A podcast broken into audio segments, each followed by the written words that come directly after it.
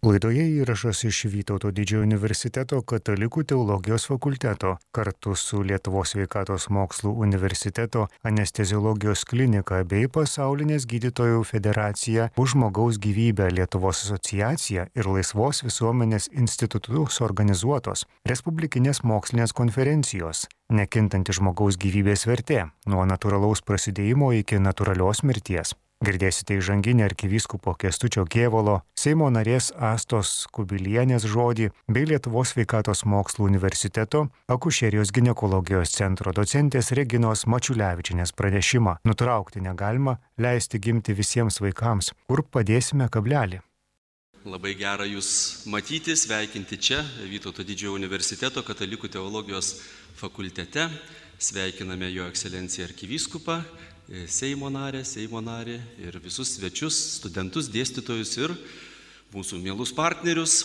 Ir manau, kad tikrai e, turėsime pilną gerų išvalgų ir e, naują motivaciją įkvepiančią dieną.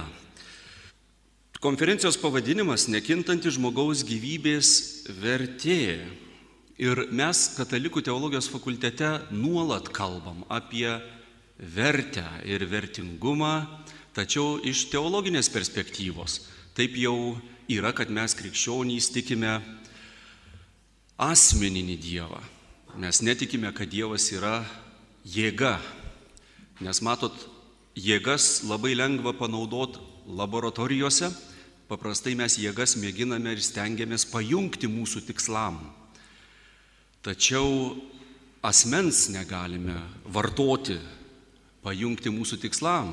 Ir tą žinome visi, kurie esame patyrę tarp asmeninį bendravimą su mum brangiai žmonėmis, mūsų šeimose, mūsų bičiulystėse. Žmogus visuomet yra neįsiemiama gelmė ir kalbam apie žmogaus orumą arba tą dignitas, vertingumą. Ir to vertingumo šiaip jau turbūt e, skrodimo būdu negali parodyti. Mums teologam paprasčiau turbūt, bet viešajame diskurse, viešose diskusijose šitos teologinės perspektyvos neužtenka, nes ne visi diskutuojantys turi tokią e, pasaulyje žiūrinę prieigą į šios klausimus. Todėl labai labai džiugu, kad šiandien čia diskutuos įvairių sričių specialistai, profesionalai, ekspertai apie tokį klausimą, kuris lemia, ką laikome mūsų visuomenėje prioritetiniais dalykais ir tada iš to, koks gyvenimas, kokia visuomenė, koks visuomenės modelis plaukia. Tad noriu pakviesti tarti žodį pirmiausiai mūsų fakulteto didįjį kanclerį, jo ekscelenciją, Kauno arkivyskupą metropolitą e, Kestutį Kievalą. Prašome. Brangus Seimo nariai, mėly Vytauto didžiojo universiteto dėstytojai, vadovai, brangus seseriškų organizacijų nariai ir brangieji susirinkę čia į Vytauto didžiojo universiteto e, gražią didžiąją aulą šiai respublikiniai konferencijai nekintanti žmogaus gyvybės vertė. Kodėl ši konferencija šiuo metu? Pirmiausia, pasaulinė gyvybės diena balandžio paskutinį sekmanį švenčiama jau eilę metų. Na ir aišku, įvykiai, kurie išprovokavo tiesiog dar kartą žvelgti į šią gyvybės vertės sampratą ištikus pasauliui karui, kuris tiesą sakant, pasak Antonijo Guterres, Junktinių tautų generalinio sekretoriaus, yra absurdas. 21 amžiui, kada jau vis dėlto yra tiek pažengę sampratos apie žmogaus teisės, apie valstybių vystimasi, apie neįkainomą gyvybės vertę, taip mes tikime, štai žmogus naudojamas kaip priemonė tikslam kažkokiem kitiem pasiekti. Iškia sausumos kolidorius į Krymą Ir šitam tikslui naudojamas žmogus ir jo gyvybė. Šitas pagrindas tikrai yra absurdas, nes žmogaus naudojimas bet kokiai bet kokiam kitam tikslui kaip priemonės yra jo gyvybės ir vertės siaubingas nuvertinimas, suprantant, kad yra kažkokios kitos vertės. Taip, krašto gynyba vienintelė turbūt, kuri šią gyvybę gali būti, ta prasme, na, aukštesnė vertė kaip krašto laisvė ir amžinasis gyvenimas. Visos kitos yra nusikaltimas. Išprovokuotas e, karas suvėlė visų mintis ir į, į, į, tiesiog įkėlė nerimą į širdį, kaip turime kalbėtis, kokius argumentus rasti, kad prie tokio dalyko neprieitume. Man labai patiko argumentas to pačio minėto jungtinių tautų sekretoriaus Sergejui Lavrovui, užsienio reikalų e, ministrui Rusijos. Ar jūs sutinkate su teiginiu, kad Rusijos kariai yra Ukrainos teritorijoje, o Ukrainos karių Rusijos teritorijoje nėra? Turėjo ištarti žodžiu taip, sutinku.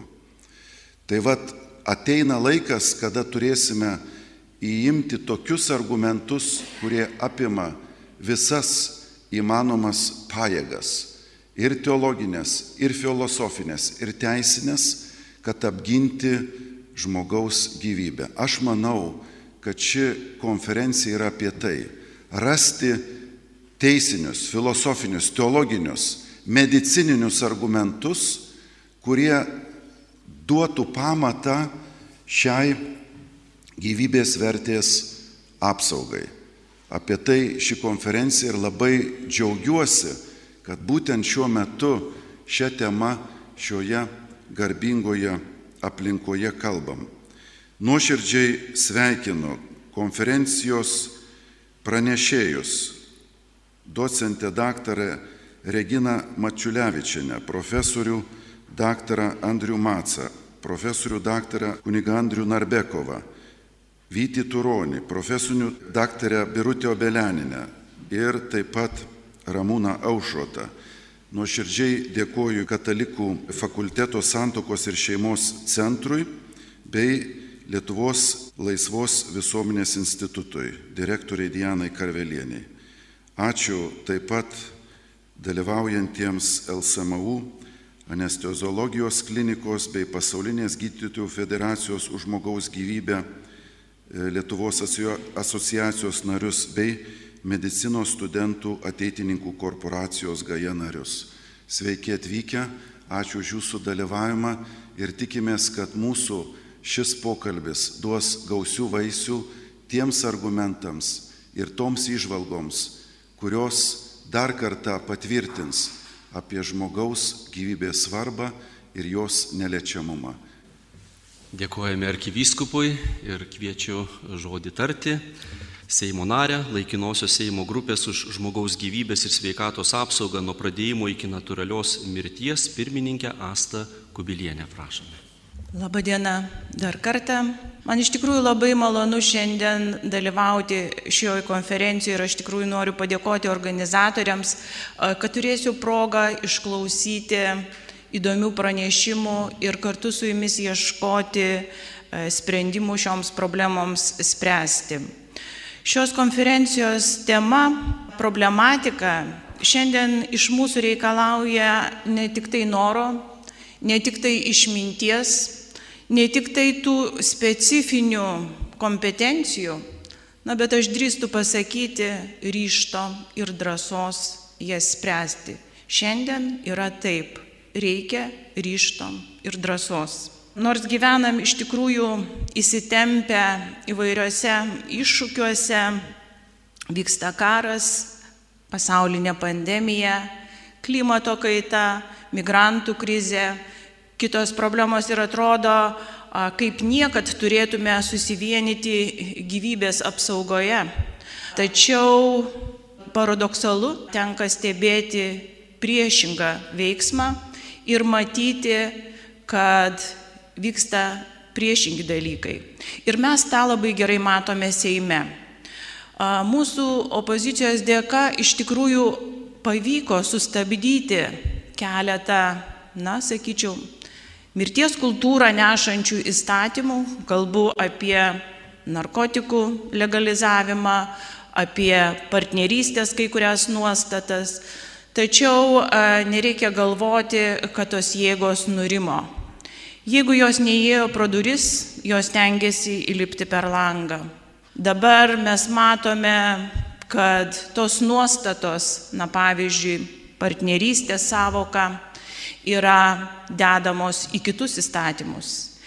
Į palaikų laidojimo įstatymą, į diplomatinės tarnybos įstatymą ir panašiai. Na, noriu pasakyti, kad jau antrą kadenciją aš vadovauju E, minėtai grupiai ir mes iš tikrųjų esame nuveikę labai nemažai darbų. Labai gaila, kad e, tuos reglamentus, teisinius reglamentus, kuriuos mes esame paruošę, tam tikrus algoritmus, ypatingai krizinio neštumo e, srityje, mums nepavyko pilnai priimti, todėl kad buvo labai griežtas karantinas ir pandemija, kaip pamenate, prieš, e, pusantrų, prieš du pusantrų metų. Bet aš tikrai tikiu, kad jie išvys dienos šviesą, šiuo metu jie guli mūsų stalčiuose parengti projektai, bet neturiu vilties, kad jie išvys dienos šviesą šios vyriausybės kadencijos metu bet tikėkime, kad laikai pasikeis. Valstybė yra stipri tiek, kiek jį rūpinasi pačiais mažiausiais. Tenka apgailestauti, kad turim e, dabar vyraujančios interesų grupės. Jų šūkis - aš noriu ir už bet kokius pinigus. Tai iš tikrųjų e, vyksta įvairios manipulacijos tiek gyvybės, e, tiek įvairių laisvių ir teisų tema. Ir manau, kad mes visi esame kryškelėje. Ypatingai mokslas, manau, kad yra kryškelėje. Ką mes pasirinksim? Etika, medicinos etika ar verslą, sakyčiau, netgi amatininkystę, ar medicinos verslą. Ar mes ginsime gyvybę, ar tiesiog pritaikysime savo patogias, egoistinės teisės ir laisvės kabutėse.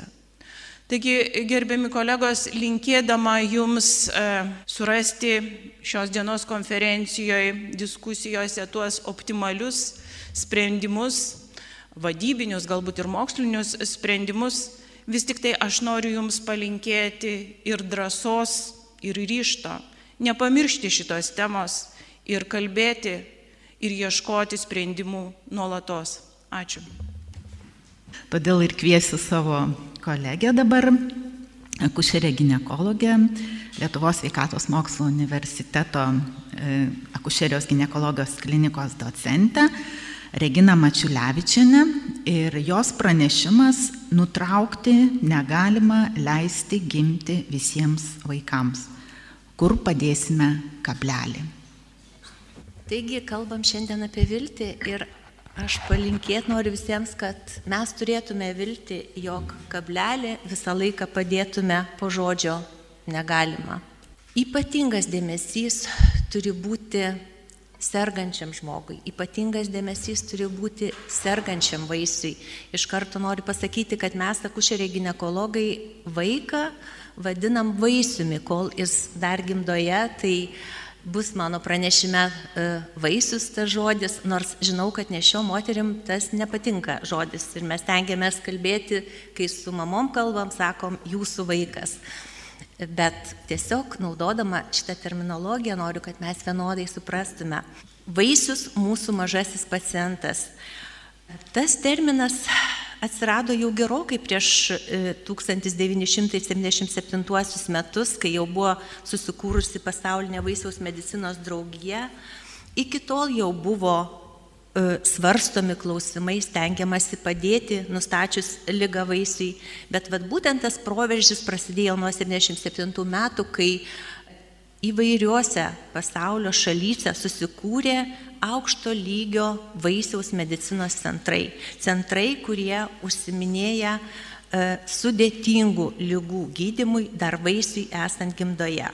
Pas mus Lietuvoje yra du perinatologijos centrai, Kaune ir Vilniuje, ir tų e, perinatologijos centrų rėmose e, dirba ir vaisiaus medicinos centrai. Taigi turim du centrus. Aišku, kai yra diagnozuojama vaisiui lyga, susidurėm su daug ir etinių problemų. Ir prieš pradėdami tyrimą, bet kokį tyrimą, ypatingai įtariant, kad yra vaisiaus lyga, vaisiaus raidos anomalija, mes turim paklausti tėvų, ar jie nori gauti tą informaciją, ar tai jiems yra svarbu, kiek tos informacijos gauti. Nes tėvai turi teisę pasirinkti, teisę žinoti ar nežinoti. Ir šitas klausimas visą laiką būna svarstomas prieš atliekant bet kokį tyrimą ir prieš paaiškinant to tyrimo galimybės. Taip pat labai svarbu, kad gydytojai, atlik, kurie atlieka šitą tyrimą, turėtų jau specialų paruošimą, nes kiekvienas žodis yra labai svarbus, kiekvienas žodis fiksuojamas ir tai gali nulemti tėvų pasirinkimus, tai gali nulemti e, tėvų kentėjimus, e, tas būtent negavimas teisingos informacijos ir nekompetitingas paaiškinimas situacijos. Visą laiką svarbu išlaikyti pagarbą tėvų religinėms, kultūrinėms, filosofinėms vertybėms, jų pasirinkimams, jų sprendimams.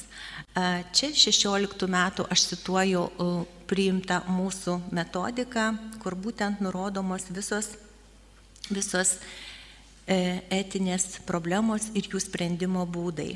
Galite pasakyti, kad nediagnozavus tam tikros vaisiaus lygos e, mes nesuteiktume tam laikotarpiui, e, kol vaisius gims tėvams rūpeščio, jaudulio, E, kokia tos prenatalinės, prenatalinės irgi paaiškinsiu tą terminą, tai reiškia iki gimimo diagnostikos prasme, bet tyrimai rodo, kad vis dėlto nauda yra daug didesnė ir žinojimas galutiniam rezultate yra pagalba šeimai, informacijos turėjimas, žinojimas yra pagalba šeimai, nes tai padeda susitaikyti su būsimo kūdikio negale padeda pasirinkti, e, pasiruošti, pasirenkti gimimui.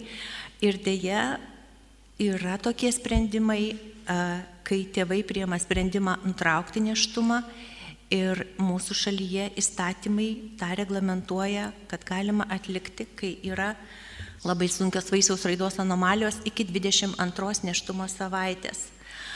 Tačiau mūsų pozicija turi būti viena reikšmiškai e, skatinti, nenutraukti neštumo. Ir čia mano išminėtos visos pozicijos, e, kada kaip argumentai skatinti kuo greičiau nutraukti neštumą, neturi būti naudojami ir e, šiandien mes kalbėdami apie gyvybę, apie pagarbą gyvybei, Ne vieno iš šitų argumentų e, negalime prilyginti tai svarbai mūsų uždaviniui e, gyvybės išsaugojimui nuo pat pradžios iki natūralios mirties.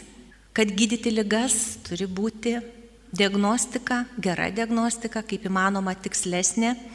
Ir turiu pasakyti, kad dabar yra labai daug būdų, kaip vaisių gimdoje diagnozuoti ligas. Jau tas įprastas visiems ultragarsinis tyrimas, magnetinio rezonanso tyrimas, bet atsirado ir tokie tyrimai, ir tarp kitko labai populiarūs jaunų žmonių tarpe, neinvaziniai tyrimai, čia mano rašytas NIPT tyrimas, tai reiškia, kai paimamas kraujas, motinos kraujas, ten atskiriamos vaisiaus lastelės ir ištyriama tų lastelių genetinė medžiaga, chromosomų lygos nustatomos, genetinės lygos, e, norint patikslinimo, tai dar paimama ir vaisiaus vandenų ištyrimo, chorionų lastelių ištyrimo. Taip kad diagnostikos galimybės iš tikrųjų yra didelės, bet ne šimtaprocentinės. Ir aišku, puikia situacija, kai mes galim pasakyti, kad įtarimai nepasitvirtino, viskas yra gerai, vaisius gims sveikas. Tačiau kartais nustatoma vaisiaus lyga su galimybėmis gydyti gimdoje ar gimus, irgi tokia optimistinė gaida galim konsultuoti tėvus. Bet būna tokių situacijų ir jų būna gana neretai, kai nustatomas apsikimimas nesuderinamas su gyvybė. Tas vėlgi terminas nesuderinamas su gyvybė medicininiai literatūrai yra plačiai naudojamas. Dabar siūloma e, naudoti tą terminą nepalanki gyvybei negimdoje lyga, nes tiesiog tokią mintį noriu pacituoti ne savo, kad kas tai yra nesuderinama su gyvybė, Mes visi esam nesuderinami su gyvybė, nes kažkada visi mirsim. Kartais būna sunkus apsigimimas, bet vaisius e, turi tokią lygą, kad jisai auks, tačiau jam labai didelės pagalbos e, negalėsime suteikti. Ir vis dėlto, kad ir bet kokios yra ištyrimo galimybės, kartais prognozė nėra aiški yra kelios lygos, mes nežinom, koks bus tų lygų sunkumo laipsnis, e, kiek galėsim jam padėti. Taip kad labai daug yra situacijų, kurias reikia spręsti ir visa tai yra sprendžiama ne vieno žmogaus, ne dviejų, bet nustačius vaisiaus lygą organizuojami tokie dideli išsamus konsiliumai, kur dalyvauja daug specialistų, E, psichologai, socialiniai darbuotojai, specialistai būtinai tos ryties, kokia lyga vaisiui nustatyti, specialistai tie, kurie gali dar suteikti pagalbą esant vaisiui gimdoje, sprendžiamos visos gydimo galimybės tiek pas mus Lietuvoje, tiek siuntimo į užsienyje. Čia turiu pasakyti tokį dalyką, kad E, nesusidūrėm su problemomis, jeigu reikia išsiųsti neščią moterį į užsienį, mūsų valstybė finansuoja gydimą tų procedūrų, kurios netliekamos Lietuvoje. Ir aišku, tų konsilimo metu, jeigu jau yra labai mažai vilties teikiama situacija, švelniai turim užsiminti ir apie tai, kad gali žūti gimdoje vaisius, gali būti sunkus neįgalumas. Šitą tėvam irgi pasakome. Jeigu turim informacijos apie paramos tėvų, kurios augina panašią negalę turinčius vaikus, tokius, tokiais kontaktais irgi pasidaliname. Taigi, kaip matot, Vaisiaus medicinos centro komanda yra labai labai daugelypė, e, vienas sergantis vaikas dar esantis gimdoje ir jau tiek žmonių yra įtraukiama į pagalbą jam. E, kaip jau minėjau, mūsų Kauno medicinos e, centras turi ryšius ir čia yra tokie nurodyti miestai, kur tiesioginiai ryšiai, į kuriuos siunčiame pacientės, su kuriais konsultuojame, dėl to, kad e, centrai, specializuoti centrai, kai vaisiaus patologijos yra e, nedaug, teikia pagalbą kelioms valstybėms. Jeigu patologijos yra mažai, adekvati pagalba negali būti suteikta dėl mažo paciento skaičiaus, dėl to, kad rezultatai, kai mažiau procedūrų centre yra atliekama, yra daug blogesni ir toksai yra 50 procedūrų per metus, tas e, pirmas gerų rezultatų reikalavimas. Labai trumpai čia dažnai atliekamos procedūros esant vaisių gimdoje, matot, kiek yra jų daug, aš čia jų neminėsiu. E, Ir noriu tik pasidalinti, ką mes Kaune atliekam e, savo kasdienybę truputėlį darbo. E, tai čia mūsų atliekama procedūra vaisiui esant gimdoje, esant mažakraujistiai, perpilamas kraujas, ultragarso kontroliai, virkštelės vena punktuojama, perpilamas intrautirinis kraujo perpilimas čia mes su pradininku mūsų kolegų docentų gintautu, čia mūsų pacientė, kuri turėjo, e, nešiojo dvinukės ir viena įsivystė maža kraujystė ten dėl tam tikrų priežasčių, tai ta mažoji, mažai buvo net penki kraujo perpilimai ir jinai sėkmingai gražiai auga kartu su savo sese. E, atliekamos ir funkcijos, šuntavimai dar esant vaisių gimdoje, kai kaupėsi tam tikrose ertmėse organizmo skyščiai, įvedami šuntai kartu su vaikų chirurgais, e, vaikų urologais.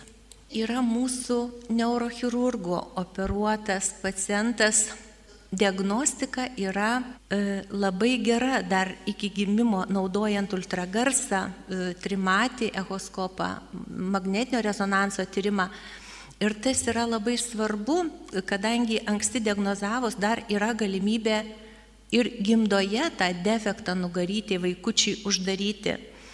Mūsų šeimos, e, kai mes nustatom vaisių raidos anomalijas, irgi nėra medikai Ir mes e, e, gavę jų sutikimą, kiek galim pasakoti apie tą lygą, kiek rodyt vaizdų ultragarsų, kiek rodyt vaizdų, kaip tie vaikai tokie atrodo prieš operacijas, po operaciją.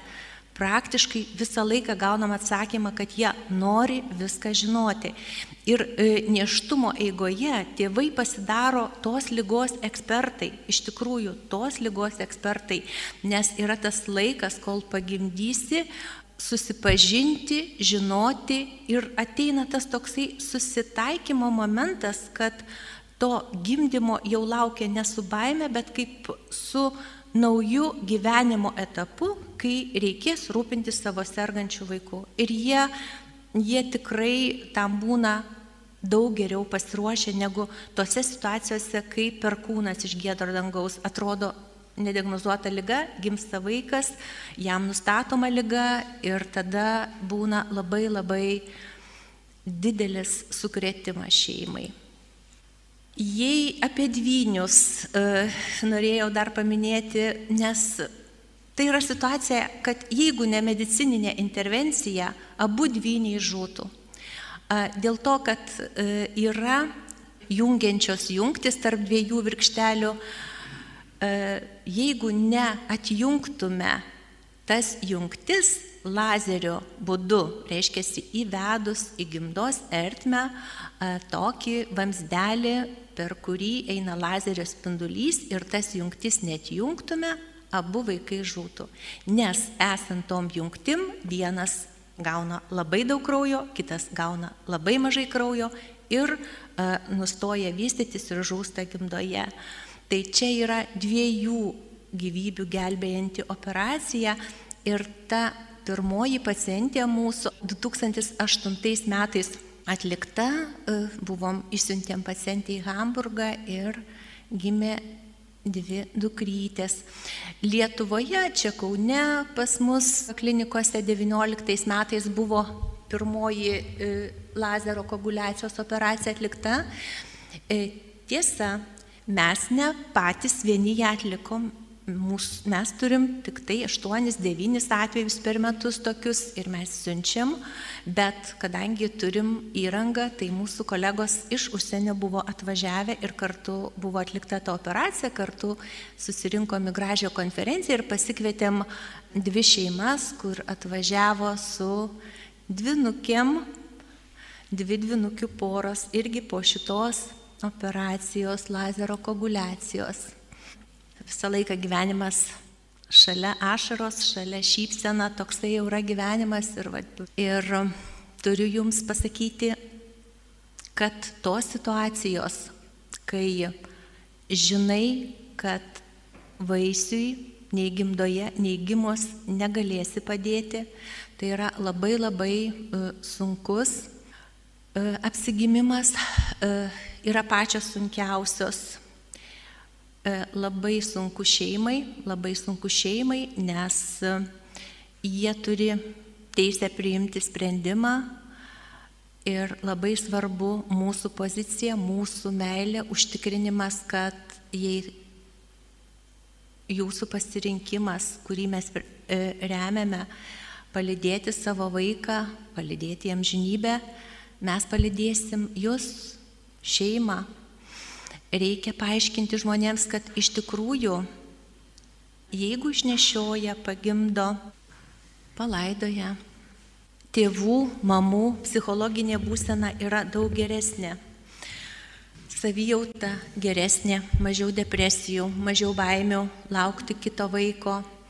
Per visą tą gedėjimo procesą, kuris prasideda dar būnant gimdoje, ateina ir susitaikymas, pasiruošimas susitikimui, atsisveikinimui.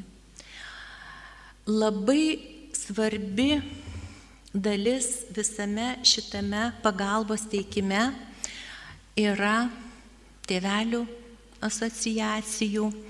Čia noriu paminėti ir labai apsidžiaugiau pamačiusi naują informaciją balandžio 25 dienos, tai asociacijos Gantras ir mūsų socialinės apsaugos ir darbo ministerijos projektą apie pagalbą tėvams. Tikrai labai gražus projektas, gražus darbai ruošiant medžiagą, literatūrą, visai nauja knyga e, psichologės Kristinos Navickienės e, didesnio skausmo nebūna.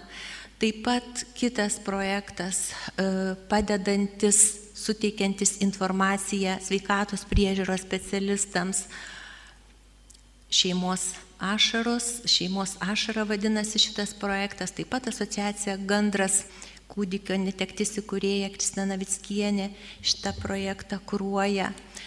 Labai norim glaudesnių ryšių su šeimoms, kurie augina vaikus. Tikrai buvo labai svarbu išklausyti ir tėvų patirčių, nes liūdimai visą laiką labiausiai paliečia visus. Ir baigdama Noriu apibendrindama pasakyti, kad labai svarbu niekada nesakyti moteriai, kad jinai turi pasirinkti mirti, pateikti visus statistinius duomenius, aptarti gydimo galimybės, palidėti neštumo gimdymo metu ir tai mūsų visos komandos darbas.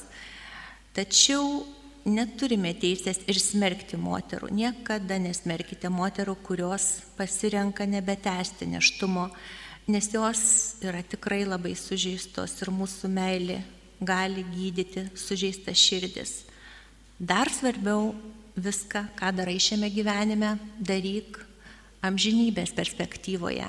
Ir kai nieko negali padėti, gali iš tikrųjų labai daug, gali mylėti. Kad baigčiau optimistišką gaidą, mano kolegės ir draugės sunus Titukas Tai toksai gyvas liudininkas, kaip berniukas iš tikrųjų iškentęs labai daug operacijų ir labai blogų prognozių, išgirdęs labai blogų prognozių, dabar yra vaikščiojantis, dainuojantis berniukas ir jį bučiuoja popiežius.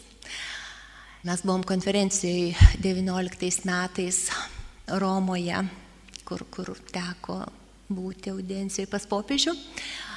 Ir paskutiniai mano žodžiai, tai noriu pacituoti popiežių Pranciškų.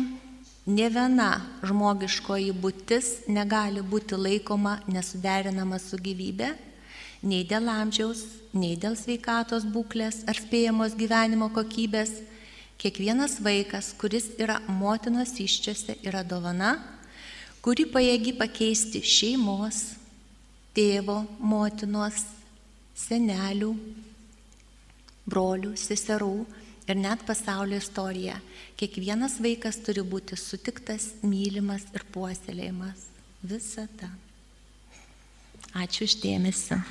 Laidoje girdėjote įrašą iš Vytauto didžiojo universiteto Katalikų teologijos fakulteto kartu su Lietuvos sveikatos mokslo universiteto anesteziologijos klinika bei Pasaulinės gydytojų federacijos už žmogaus gyvybę Lietuvos asociacija ir Laisvos visuomenės institutus organizuotos Respublikinės mokslinės konferencijos Nekintanti žmogaus gyvybės vertė nuo natūralaus prasidėjimo iki natūralios mirties. Girdėjote įžanginį arkivyskupo Kestučio Kievalo, Seimo narės Astos Kubilienė žodį bei Lietuvos sveikatos mokslų universiteto akušerijos gynekologijos centro docentės Reginos Mačiulevičinės pranešimą nutraukti negalima, leisti gimti visiems vaikams. Kur padėsime kablelį?